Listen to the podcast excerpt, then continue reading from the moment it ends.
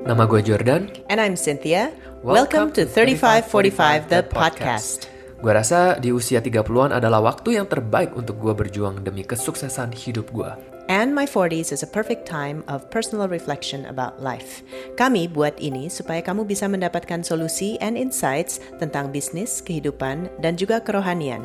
Let's, be, a blessing, to each other. Hi, welcome back to 3545. I am Cynthia and Hi, my name is Jordan. And today we have a special guest. Namanya William Sudana. Hello William, welcome. Hai, hai, hai, hai, hai, So can you tell us more about you and your company? Basically, uh, kita Fosfoyer. Ah, kita adalah sebuah creative consultant yang memberikan apa ya kita ngomongnya lebih ke solusi terhadap permasalahan para partners teman-teman partners brand yang di di, di ranah social media marketing, digital marketing, so gimana cara creating campaign dan konten yang efektif yang terutama lebih bagaimana bisa engage sama para audiensnya. Karena basically gue sendiri ngerasa banyak orang yang bilang oh gue bisa bikin konten tapi ternyata nggak se powerful itu juga. Oke. so apart from it kita juga lagi building sebuah community nano influencers yang gue percaya ini akan jadi kekuatan buat beberapa tahun ke depan right. kayak gitu so that's That's post for years. So who Yes. are you? gue lo William Sudana basically so, So uh, who is William Sudana? gue graduated dari University of Nottingham di tahun 2011 sebagai electrical engineer Wow, dari electric engineer. lompatnya jauh ya. lompatnya jauh, lompatnya jauh banget. Tapi gue suka waktu itu yang yang lagi gue tekuni saat itu adalah fotografi. Jadi saat itu gue menjalani interest fotografi ini sebagai freelancing. Tapi basically saat itu biasanya orang tua orang tua bilang lu tuh harus kerja. gitu. Kalau kerja nggak di kantor tuh bukan kerja. Kayak gitu, ya kan? Jadi disuruhlah untuk apply ke perusahaan dan saat itu akhirnya keterima untuk masuk di sebuah perusahaan cukup gede di salah satu uh, perusahaan yang terbes cukup besar cukup ternama juga di Indonesia dan kesempatan yang gue dapat waktu itu adalah marketing itu dari situ akhirnya gue baru nemu oh ternyata marketing semenyenangkan ini ya gitu. Dibandingkan engineering gitu. Basically gue suka ilmu engineering electrical gue sangat ace dan gue sangat suka tapi gue gak suka pekerjaannya. Kayak gitu. Jadi dari kesempatan itulah akhirnya ngegali gue untuk explore oh ternyata marketing tuh gimana? Ya itu kan akhirnya self self learning sendiri. Sampai akhirnya kecemplung di Instagram 2000 2000 2015 kan waktu itu. Mulai aktif di Instagram mulai eh, menekuni ngelihat oh ternyata sesuatu yang menarik nih sosial media nih. Padahal udah udah aktif lama gitu udah punya Twitter lama. Tapi ya ketika lu belum tahu esensinya sosial media itu jadi cuma jadi tempat nyampah doang sebenarnya. Tempat ngoceh-ngoceh nggak jelas semua segala macam dan da- di tahun 2015 itulah gue mulai mikir oh, ternyata sosial media ini bisa jadi future. Kita punya potensi besar di digital marketing ini. Dan dari situ saat dari situ juga akhirnya gue mulai menekunin belajar self learning lagi. Basically gue suka banget suka banget untuk belajar hal-hal baru. Gue udah banget challenge diri gue untuk apa ini apa ini apa ini apa ya? Supaya dapat skill skills baru gitu. Akhirnya setelah berkutat beberapa bulan baru mulai ga- galau waktu itu. Bilang ke nyokap kan kayaknya pengen resign deh pengen resign deh kayaknya deh. Enggak lah kenapa nggak disambi aja dua? Kayak gitu. Tapi katanya iya dicoba dulu deh jangan jangan sampai dilepasin gitu lah kan belum tahu juga gimana gitu tapi yang gue percaya waktu itu adalah nggak bisa nih kalau gue ngelangkah berdua dua kaki di dua dunia gitu nggak akan efektif harus terjun akhirnya gue putuskan terjun resign pas tiga tahun dua minggu itu karir gue di corporate Wow. kayak gitu kemudian Berapa langsung- jam? apa Berapa jam? Nggak nyampe hitung jam. Oh, oke. Nggak nyampe hitung jam tapi tiga tahun dua minggu resign dan memulai perjalanan sendiri kayak gitu So, so that's dari dari iseng-isengnya cuman main Instagram sekarang udah jadi punya company yang manage social media ya companies. ya? yes betul betul betul something seperti itu That's good. And you're also a business influencer, right? I mean, you you you conduct uh, different forums. We went to your Yep, how yeah, to yeah, make yeah, a podcast forum. Yes, yeah, were talks, very inspired by Uh, that. uh, ya kan? uh. Jadi, um, what, what do you think is happening in the business world? Some of the trends, some of the concerns. We were talking about how things are like autopilot and autopilot, and and how do you see things now? eh sekarang trennya lagi happening banget kalau semua orang itu pengen jadi startup founders, Really? entrepreneurs. Wow, oke. Semua berlomba-lomba untuk bikin creating business, creating business, creating business, kita partner up, creating business gitu. Selain itu, ya kalau misalnya nggak mau bikin bisnis, ya mungkin jadi content creators. Karena Influencer Iya kan? gitu ya. Digital digital world ini kan udah sebenarnya semakin happening banget dan itu yang nge-drive orang. Apalagi orang ngelihat bahwa efek yang dihasilkan, kita, kita ngomong earnings yang dihasilkan seorang digital creators itu kan gede banget. Bahkan lebih gede daripada pendapatan ketika lu bekerja di perusahaan besar sekalipun. Hmm. Kayak gitu. Jadi itu daya tarik tersendiri. Fame-nya dapet, Duitnya dapat. duitnya dapet, Senangnya dapet. Free, Ah. free apa apa flexible working hours. flexible juga. working hours dapat, remote workingnya dapat, Yeah. semuanya dapat gitu. Sedangkan kalau orang mau creating bisnis ya sebuah hal yang keren kayaknya sekarang ya. Ya tapi eh, banyak juga yang gini, ketika pertama kali gua resign, nah, kita ngebuat sebuah community. Waktu itu kita mm, share interest di food, kita bikin community yang sebenarnya mulai gue monetize gitu. Karena itu goalsnya gue ketika gue resign, gue harus memonetize ini. Yaitu gimana kita monetizing ini udah mikir untuk menjadi sebuah perusahaan gitu. Tetapi long the way itu kan muncul kan ya. Waktu saat itu zamannya food blogger itu masih sendiri-sendiri Ya. gitu dan saat itu gue nggak tahu gimana ceritanya tapi ternyata kita adalah pionir untuk kolektif yang kolektif saat itu dan nggak lama banyak yang mm, turun ada muncul banyak bermunculan tapi banyak juga yang kolektif runtuh. itu berarti uh, Kumpulan. kumpulan beberapa food bloggers Yes, together, yes, yes, tapi yes. under one brand gitu. Yes, gitu. Di mana saat itu masih pada single semua, pada sendiri-sendiri semua, solo-solo semua, kayak gitu. Dan waktu itu diikutin, banyak yang ikut, baik yang muncul bermunculan kolektif-kolektif lainnya, tapi along the way banyak yang tiba-tiba runtuh juga, runtuh juga, runtuh juga, runtuh juga, gitu. Dan eh, yang gue refleksikan saat itu adalah ketika kita ngelihat kita kita kan mau membuat ses- sesuatu gitu, kita mesti tahu visinya tuh apa. Kadang kalau visinya cuma sekedar kumpul-kumpul doang ya udah gitu. Kalau udah nggak ada ada tujuan nggak ya. tujuan lagi akan bubar dengan sendirinya tanpa tanpa tanpa tanpa kejelasan juga. Hmm. kayak gitu. Dan nah di situ ya gue mulai mikir oh ternyata iya benar ya. Harus harus ada dimulai dari visi yang kuat dulu gitu. Why-nya kenapa? Purpose-nya apa? gitu. Tapi ya karena tiba-tiba di dalam internal sendiri pun ada perpecahan gitu kan. Akhirnya ya udah kita kita back off dari situ. Dan yang stay adalah Edi. Jadi kita memutuskan untuk oke kita bikin brand baru gitu. Ya udahlah. Oke. saat itu yang ada di pikiran gue adalah gue resign demi ini terus gue di backstep dari belakang. Oke ya udahlah. Ini adalah journey gitu kan. Kayak kenapa begini ya tapi ya udah itu part of lesson learn-nya bahwa ya udah ketika lu membuat sesuatu partner lu tuh harus orang yang satu visi sama lu Jadi sekarang Eddie tuh jadi partner yes di Fosfoy. Rich Fossoyer. Dan kita ngebangun itu berdua dengan visi yang sama, dengan goals yang sama, dengan motif yang sama juga. So visinya apa buat Fosfoyer? Kita mau berbagi, kita mau share. Sharing. Ya, kita sharing. Karena mm, kita ngerasa gini, ketika kita dulu kerja di corporate, mm, kita gak punya banyak keleluasaan untuk mengeluarkan ekspresi, gitu. Freedom untuk berkreasi, gitu. Dari pengalaman itu ya, gue bawa ketika gue membuat perusahaan gue sendiri, gimana gue bisa mengakomodasi needs anak-anak sekarang, gitu. Gimana gue punya apa memberikan kebebasan buat mereka supaya mereka bisa ya udah mereka bisa eksperimen gitu jangan takut gagal karena gue ingat waktu gue kerja dulu di corporate bos gue bos bos pertama gue bilang gini Will kamu jangan takut gagal kalau kamu salah pasti saya yang tanggung jawab. Jadi apa yang kamu bisa putusin putusin aja sendiri. Kayak gitu. Dan di situ gue ngerasa kayak oh gue dapat power. Gue dikasih kepercayaan walaupun gue anak baru. Kayak gitu. Dan itu akhirnya gue terapkan sekarang di Fosfoyer. Gitu. Itu tugas kita sebagai leader untuk take in charge gitu kan. Salahnya mereka apa, kita yang fix. Tapi ketika mereka salah, mereka tahu, oh itu titik di mana gue bisa memperbaiki diri gue lagi. Kayak gitu. That's good. That's very a very mature point of view. Ya. Yeah. Do you think sekarang entrepreneurs itu punya why yang tepat when they build a business? Uh, because some people why-nya itu bukan nggak long lasting Yeah, kan ya. yeah, yeah, Jadi why-nya this thing that maybe they read somewhere or they think success is easy or something. What do you think about the whys of entrepreneurs these days? Mencari why yang strong itu kayaknya nggak sesusah itu. Eh nggak segampang itu. Salah, Nggak segampang itu.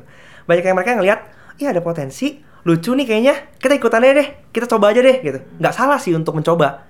Tetapi ketika kita nggak punya stronger why ya ketika itu collapse ya hancur aja gitu.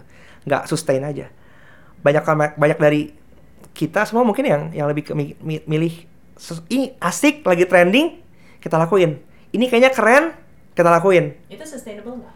nggak. Why? karena mereka cuma ngejar hype-nya. Something yang temporary itu kan hype itu kan spikes. Ya kan? Viral itu kan spikes. Padahal ya seperti yang orang bilang bahwa kita ngomong apa yang didapat cepat hilangnya juga cepat. Something kayak gitu.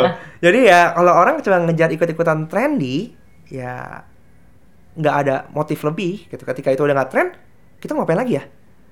Kita mau ngapain lagi ya? So trend. Itu salah satu why-nya yang menurut you nggak sustainable. Yang kedua kira-kira why-nya apa lagi yang you lihat yang mungkin baik atau tidak baik? What what what are some of the things? social impact mungkin? Mhm. orang harus mikirin social impact sih. Gimana kita contribute? Bukan mencari keuntungan diri kita sendiri. Gitu. Banyak entrepreneurs yang gini. Oh, enggak kita nggak ngomong entrepreneurs. Kita ngomong bisnis businessman. Yang berfokus kepada dirinya sendiri. Gimana gue bisa cuan? Gimana gue bisa make money sebanyak banyaknya buat gue gimana gue bisa kaya buat gue akhirnya mereka nggak memperhatikan timnya developmentnya atau mungkin dari sisi wealthnya gitu.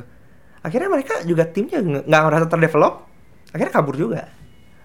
Gimana bisnisnya bisa sustain? Menurut gue ya kalau misalnya turnovernya tinggi sedangkan turnover itu itu employee turnover itu mahal banget costnya. Mhm. karena kita mesti invest lagi ke mereka kita mesti ngajarin lagi ke mereka gimana mereka bisa menjalanin visi kita gitu aligning vision aja udah takes time banget Hmm. kayak gitu so it's the challenges I always think like sometimes when you have an entrepreneur that the why is supaya saya kaya and then I'm going to memakai karyawan gitu-gitu. That's so driven out of fear, isn't it?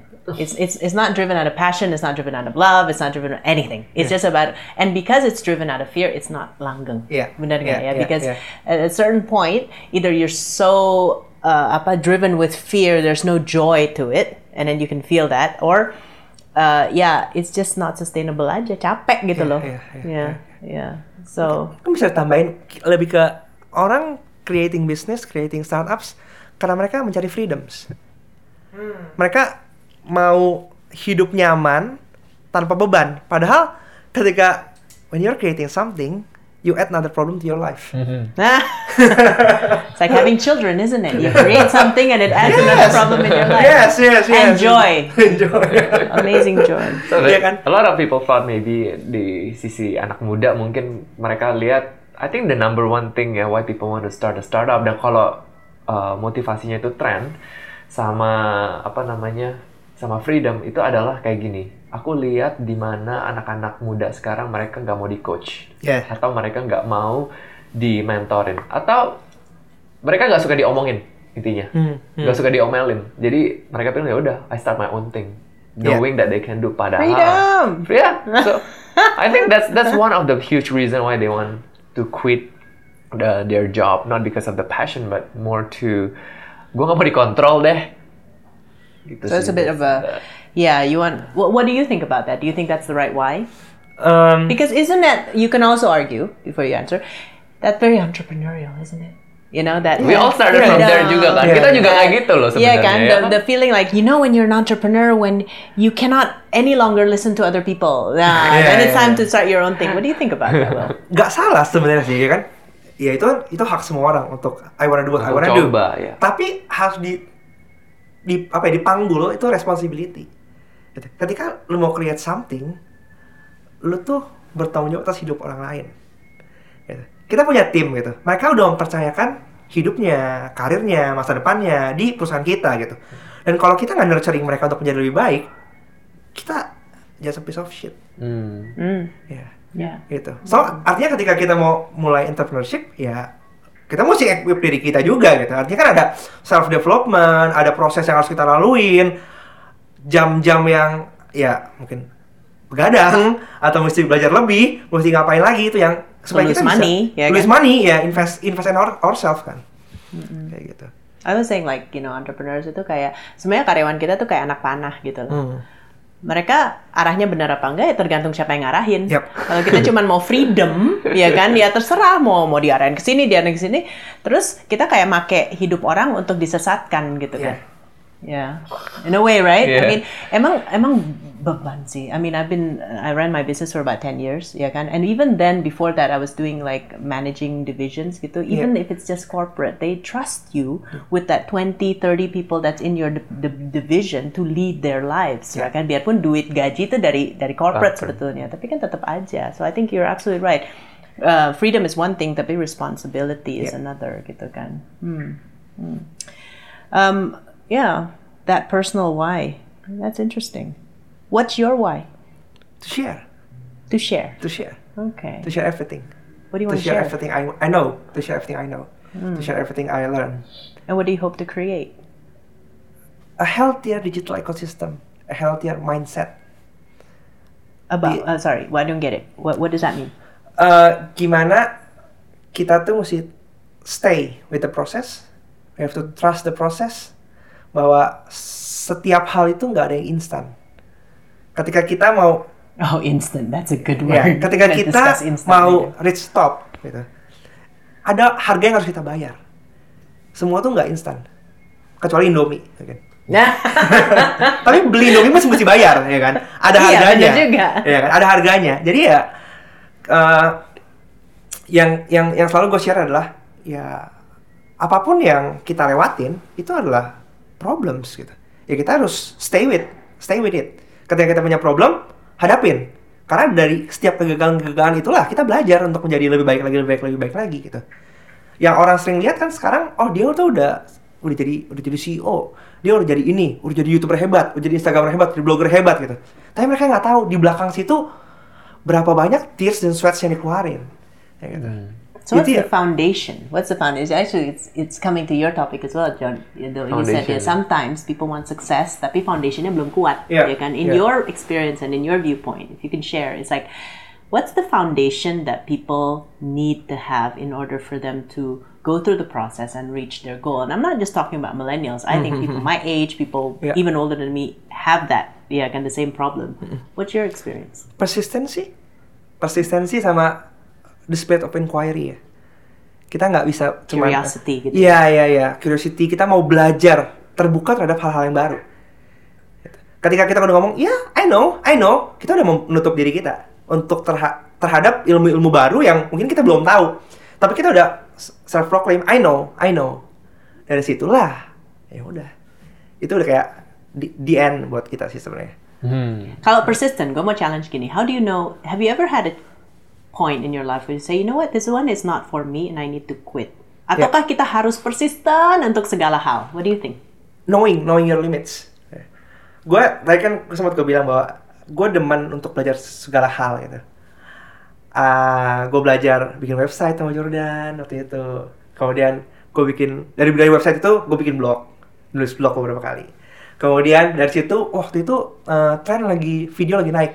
Hmm. so gue beli alat video gue create video setiap hari ya kan dalam waktu berapa lama itu ya ada kali 40 series Iya, itu kayak setiap hari begadang, jadi kayak tidur setengah tiga jam 4 gitu. Dari nggak bisa ngedit, sampai ngedit, sampai bisa ngedit, bikin itu dari yang nggak nyaman lihat kamera, nggak nyaman dengar suara sendiri, sampai udah terbiasa. Cobain terus, ternyata setelah nah nggak bisa, nggak, it's not my thing. Gitu. So I I stop. Tapi nanti nggak nggak persisten katanya. Tapi gini, you know 40 what to episode sih achieve. eh, udah persisten You know what to What if achieve. you what if you will break through in the 41st episode? gitu kan? So how do you know when to quit? itu namanya nasib. Karena gini, gue ngeliat, gue belajar ini untuk mengequip diri gue. Ketika I know what my business needs, I gue bisa hire orang untuk melakukan itu. Tapi untuk mengedukasi itu, untuk mengarahkan orang lain, gue harus ngerti basicnya dulu. Itu yang akhirnya Hmm. membuat gue untuk belajar. Oke. Ketika karena kita kita ngomong gini, mm, sering kali kita ngomong video ya, ya kan cuma bikin video 3 menit aja gitu. Duh, Hmm, dandannya. bikin lah 3 menit gitu. Karena gue pernah berpikiran seperti itu. Ketika kita inquire video, bikin video konten ini ya 3 menit, harganya berapa? Kok mahal banget segitu ya? Bahkan cuma semenit, cuma 3 menit gitu. Outcome-nya. Iya, ketika gue ngerasain, ya. ketika gue experience, oh iya, I know. Hmm. Kenapa harganya segitu? Dan ketika kita ngomong sama tim juga, kita jadi lebih lebih re- relevan, lebih Oke. make sense gitu. Lebih ngerti lah, Lebih understanding ngertiin. juga. Oke. Apa sih painnya mereka gitu? Oke. Karena dengan kayak gitu kita nyambung. Gitu. So your foundation, you are we are talking about kita lagi share tentang foundation. Berarti foundationnya sebagai entrepreneur sebenarnya semuanya harus dicoba dulu. Cobain dulu, Ya jangan kan? risk. Jangan jangan langsung ya udah gue punya duit gue langsung hire tim Iya, gitu kan. betul, Karena betul, lu sendiri sebagai entrepreneur sudah melewatin hal-hal yang udah misalnya the technical partnya lu udah ngerti. Yes. Makanya lu bisa relate, bener Yes. kan? Nah banyak mungkin banyak uh, entrepreneurs yang anak muda mungkin mereka nggak nggak menangkap itu ya. Mereka Iya. kira ya udah gue cuma build business doang. Gue ketemu beberapa entrepreneurs yang langsung start cafe, Oke. tapi mereka sama sekali nggak bisa masak, nggak bisa serve. Iya. Not even they don't even know how to manage finance. Iya, iya. So akhirnya mereka close down-nya juga lebih cepat. So I think what you are trying to say is foundation means uh, apa namanya gaining all the knowledge Yeah. and you have to go through all the things first. Yap, yap, yap, yap. What- To be honest, to be honest sampai Fospen ini udah berapa tahun? Tiga tahun. Mhm. Dan kita, gue yang melakukan hitung-hitungan finance sendiri. Hmm. Kayak gitu. Kenapa gue nggak hire? Karena problemnya adalah gue nggak punya basic accounting dan finance. Hmm. Ketika nanti gue hire orang, mungkin dia bisa ngerti. Tapi kan dia mesti adjusting sama sistemnya kan. Hmm. Dan ketika dia nanya, dia buntu, gue nggak bisa solve Hmm. problemnya dia. Hmm. Eh kasihan. Hmm. Makanya lebih baik udah gue lakukan apa yang gue bisa. Baru nanti pelan-pelan kita Ad- sistemnya. adjust, yes. Iya, kayak gitu. Yeah, I would say, uh, you know, uh, one of the things I learned a couple of years ago adalah when we want to delegate, biasanya ada step-stepnya, which is create the idea, test it, measure it, systemize it, then delegate. Okay. So what I learned over the last well, 10 years or so that I've been building my own business, even when I was working for corporate, adalah delegation itu gini lah, expect less from your people, expect more from your systems. Hmm. Like how does McDonald's or those franchises Yeah. grow so big? It's not because they hire smart people. Oh, come on, the average turnover rate is three months, right? Because by nature, I mean, I used to work for Carl's Jr. when I was in school as well. I only have a holiday to work, and then I, I leave, gitu kan? Jadi kalau sistemnya nggak powerful, then you're relying on me, an 18 year old, to make you a milkshake. Give me a break. I can't even clean my room, ya kan? Gitu loh. Jadi Yeah. even even now I just say okay how do we of course hiring good people is undoubtedly very important Yeah. tapi even good people need a good system to back them up Yeah. kalau enggak ya lu turunin mereka ke jurang and then blame them if it doesn't work Yeah. kan kasihan hmm. juga kan betul. That's a hmm. good one though. Expecting more of the system. yeah expect, Expect more less. from your system. have smart systems and then you can hire not so smart people But the problem is how to create a good system. Hmm. how to create a good system Iya. ini kita ngobrol aja.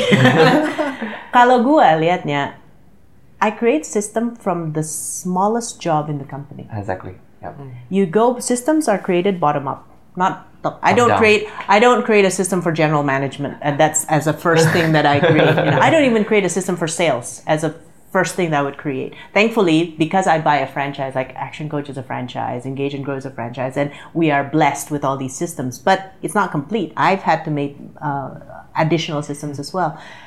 My first system, I think, uh, in my in 2008, my first system was how to clean an office. Hmm. How to clean an office, how to pack things. Kan kita ada seminar-seminar gitu kan. How to pack things in a seminar. Bawa apa aja. Ya kan? Because our only staff at that time was a telemarketer and an office boy. Oke. And those are the people I need to systemize first. Not coaching. ya kan coaching susah Bo. ya kan we have basic things but you have to you have to get insight kan and then I think then we had uh, systems about admin finance obviously right things like this and even in a creative industry like for instance you can argue also cr- coaching is an art right? No matter how systemized it is you've got to have a bit of art. Interior design and everything. I remember we had an interior design client. He said how can I systemize that? Sometimes the problem with creating system is you always think of your business and you think of the hardest thing in your business that can be systemized and you say see i can't make a system out of that. Therefore i can't systemize my business. Hmm. Look even if you're an architect and you draw you cannot systemize your brain to draw. Yeah. but you can systemize invoicing collection admin, picking up the phone, right? Just for me, I, when I systemize it, what is the dumbest thing in my business? How do I systemize that? Because that's probably take, I want to free my mind for that 20% artistic stuff mm-hmm. that I humanize, but I cannot systemize. Yap, yap. That's yap. okay, right? Gitu nggak sih? Yes. Benar nggak sih? Yes. Yeah. For me, I think system starts from the from the mindset juga sih. Ya kan? When you do a certain things like what what when you when you when William shared about doing things their your own first, kan udah tahu tuh sistemnya yang bisa di repeat tuh apa aja sih sebenarnya. Oke. Ya kan? Tapi kalau lu sendiri nggak nggak terjun ke tempat itu, you don't know. For me, even pertama kali pas gua mulai mau belajar apa.com, um, pas orang daftar aja itu masih manual guanya yang masih cek satu-satu terus gue yang kirim invoice satu-satu terus gue kirim PDF nah lama-lama ini gue lihat oke ini gue bisa systemize lama-lama gue systemize terus eh, kalau kayak Cynthia kan dia bilang dia uh, systemize dari hal-hal yang paling kecil which is very true even until today. Um, gue juga lagi harus gue juga masih belajar untuk bagaimana kalau bisa automate semua gue automate deh. Iya. gitu Iya. kan. Ya kan? Sampai sekarang even I like jadi pertama-pertama yang gue handle itu di mau belajar apa yang gue proudly handle adalah Instagram. Jadi Instagram gue pegang. Tapi sebagai entrepreneurs as you grow up the the level gila itu Instagram aja bisa gue bisa take me a lot of hours untuk gimana cara planning. Itu kayaknya gue bisa mati deh gue pikir kayak gitu. Ini gue nggak bisa scalable. So akhirnya I have to develop the system juga. Gimana caranya untuk systemize Instagram? Can you imagine how to systemize creativity? And I did that. So I How? I have my secret come to my class no, just kidding I thought we were getting it free now in this podcast. 3545, everyone. Nothing is free. Dang. Gak, gak, ada lah. Jadi intinya, how how do I how do I um, systemize Instagram? Hire orang lah. Tapi nanti orang itu pergi, orang itu Kasih template. kerja. Oke. kasih template Ya, so artinya yes, template-nya dong template-nya sistemnya. ya so akhirnya template-nya sistemnya juga gitu loh so uh, as a founder I just tell ini gue punya taste ini gue punya color ini gue yang gue mau lihat terus lama-lama lu explore aja because I believe kayak gini kita hire orang kalau bisa jangan buat manual work Iya. karena bakal bosen ya kan tapi kita hire orang yang mereka bisa explore a little bit of their creativity lah misalnya create beautiful words captions foto. Nah kayak gitu-gitu mereka tuh sometimes orang tuh demen. Biarpun tiap hari buat itu mereka demen. Memang sometimes for example like designers it's their nature. Yep. mungkin they love to explore Yep. their their side. Tapi kalau disuruh tiap hari mereka pasti bosen. So Yeah. I start from benar sih dari kecil dari hal-hal kecilnya untuk di sistem sih. Oke. gitu. I don't know sih do you, do you have anything that you want to, to systemize for now? What is your current problem Apa ya? Financial, yes, financing sih. Oh ya, ini yang kita bahas It's manual still. It's it's one of the itu sih. Software udah udah berapa? Udah 9 bulan. Udah 9 bulan. I I created my own software. Oke. Ya, karena untuk sistem mau belajar apa in the world or I I would say in in Indonesia ya masih nggak ada business system kayak kita, nggak ada business model kayak kita. So at the end of the day kita harus create sendiri dan itu 9 bulan dan belum selesai. Ya kalau gue sih, maksudnya I'm implementing for my little business, which is only slightly under one million dollars, but it's I couldn't find a a syst of an off-the-shelf financial software, or maybe I'm just dumb. I don't know how which one it is. Yeah. But even my finance people said nggak bisa. Kita punya cara management accrual accounting itu nggak bisa you use an off. So I ah. invested last last year and we are still implementing it a service ERP. Sekalian gue bilang, okay, if I'm gonna customize my own financial system, I'm gonna I'm gonna also do end-to-end communication for all my departments. Yeah, kan? Yeah. Because I want all my departments from getting leads to closing them, to servicing the customers, to delivering the operational thing of coaching, to invoicing them, to collecting, to business intelligence, data analysis. I want that into one system sekalian. Yeah. Soalnya gue customize juga lebih dari 100 juta. Mendingan I top up a little bit and then I get the whole thing, right? yeah. So we're integrating our CRM with our finance system, um, and our CRM already includes a coaching delivery system. Itu itu worth it sih. And then everybody talks gitu kan. Hmm. Tapi I think also if you think about, oh I want to de- uh, de- systemize a finance department or any department. In my opinion, because I can get mechanic if I need to, right? Aku tipe orangnya, what do you mean about finance department? There are so many roles in the finance department. There's tax, there is invoicing, there is collection, there is laporan. Yeah. There is audit. We need when it, in when I try to break things down and create systems, I think micro. I think super micro. A department is too big. It's a big picture. Yeah. Okay, which part? Mungkin yang ini belum bisa, tapi yang ini bisa. Hmm. So I think we just need to think very micro when we're building a system, and some systems will take a day to build, some system will take a week, some people will take a year. Yeah. Yeah. But do you agree to this statement when when you hire people, you hire their expertise to tell you what to do instead of we have to tell them what to do. Mm-hmm. Yeah. Do you agree to that statement? Tergantung budget lu hire mereka beberapa. Will, how much money you got? We're talking to startups here, ya kan? Yeah, Tapi nggak juga loh, banyak startup yang langsung hire GM. Yeah. Puluhan juta, udah langsung, that's the first Tapi kalau itu udah di-invest. Itu udah di-invest, Di-invest. atau ya rich owners lah Rich gitu kan. owners, Yeah. Uh, the way I I did mine when I was starting up 10 years ago was I hired the basics, right? Um, I left marketing to me because I felt like I was the best person to represent and sell. Because I also bedanya gini, tergantung industri menurut gua. Kalau lu punya barang gampang jual, ya, oke, ya kan, you can just delegate. But sometimes, like in my industry, I tend to sell high value items. I like selling expensive stuff and everything like that. That's just my nature, ya kan. Jadi, uh, I didn't feel that I could hire people to do that. So I hired people to do the little things Okay. because that was easier. And maaf ya, if I lose them, it's not the end of the world. Okay. Yeah, kan? It- it- you know, it- and then I can easily systemize that as well. Because remember, before I hire, I try to systemize things first, then I hire, right? Okay. Soalnya nggak fair juga kan. Um, so seperti itu. Um, and then I have a client. Dia tuh karoseri ya. Uh, dia bikin desain untuk uh, karoseri like uh, mobil-mobil gitu. Yeah. And he's a designer. And what he did was when we tried to autopilot his business, he said, "Is it okay if I keep designing?" And I said, "Oh, it's your business." You know, I, I don't like this autopilot thing. Like, oh, owners, all you can do is sit on the beach, sip a pina Yeah. colada, and that's your job description. Look, some of us actually like what we do, and that's how we started out Yeah. to begin with. I don't think you can do without Instagram in your life. Bener nggak? Ya kan? So I think I'd like to say, okay, systemize the part you don't like. Like the other thing I systemized was finance. Thankfully, I had a partner who was very good, and his wife worked Yeah. uh, systemized the finance. But like this guy liked designing, so we systemized everything else in his business except design. And he managed the design team, and he designed. Yeah. And then we ended up thinking, oh, you're actually no good at managing people. Why don't you just design, and then we'll have somebody else manage the people, kan? Yep. And he's happy. And boleh dong kalau owner want to keep working. Yeah. So yeah. Saamat. Yeah, Why yeah. not? Yeah, I mean that's yeah. why we, you know, what else are we gonna do? How many pina coladas can you have in one day without getting diabetes? You know what I mean? I mean, I've had my 16 month of retirement in France. I didn't like it. Yeah, I was yeah. too Like- young. Yeah. Mm. Yeah. Even lagi honeymoon aja gue gak betah.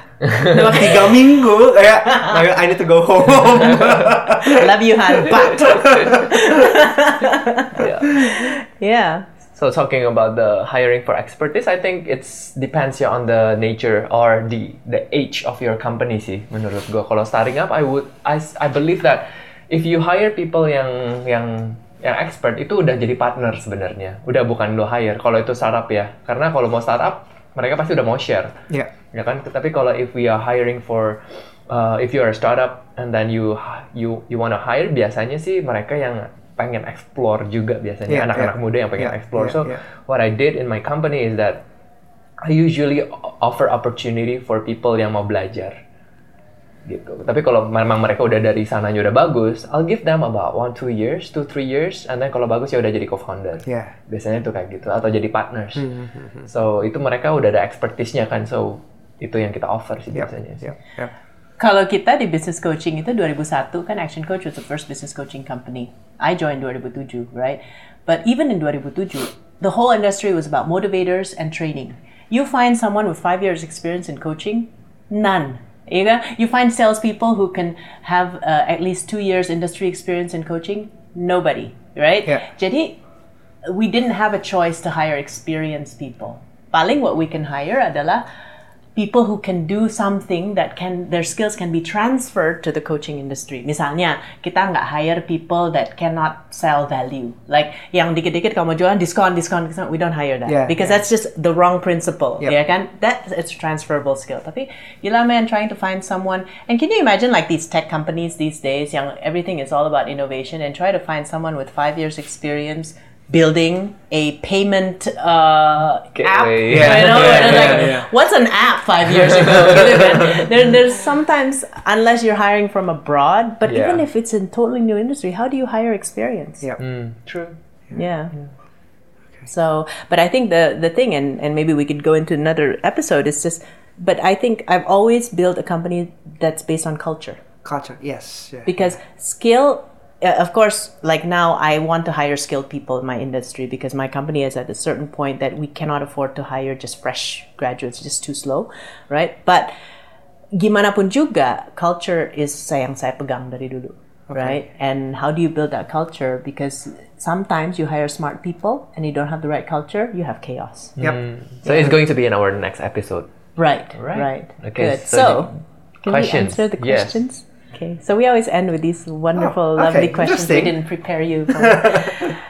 William, the purpose of life is To share.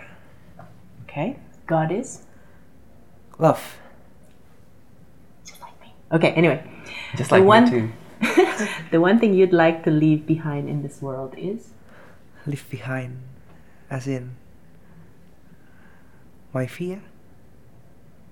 No, I mean, Like, it's, your it's a good, legacy, a your good stuff in legacy, it. your Okay. legacy. it's okay. Yeah. Whatever he interprets, Okay. right?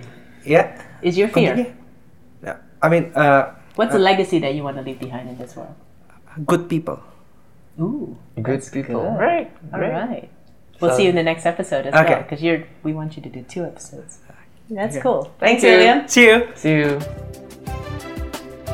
Semoga episode ini telah berdampak positif bagi kalian. You can follow 3545 on Instagram or Spotify. Join us next episode for more inspiring conversations. Terima kasih.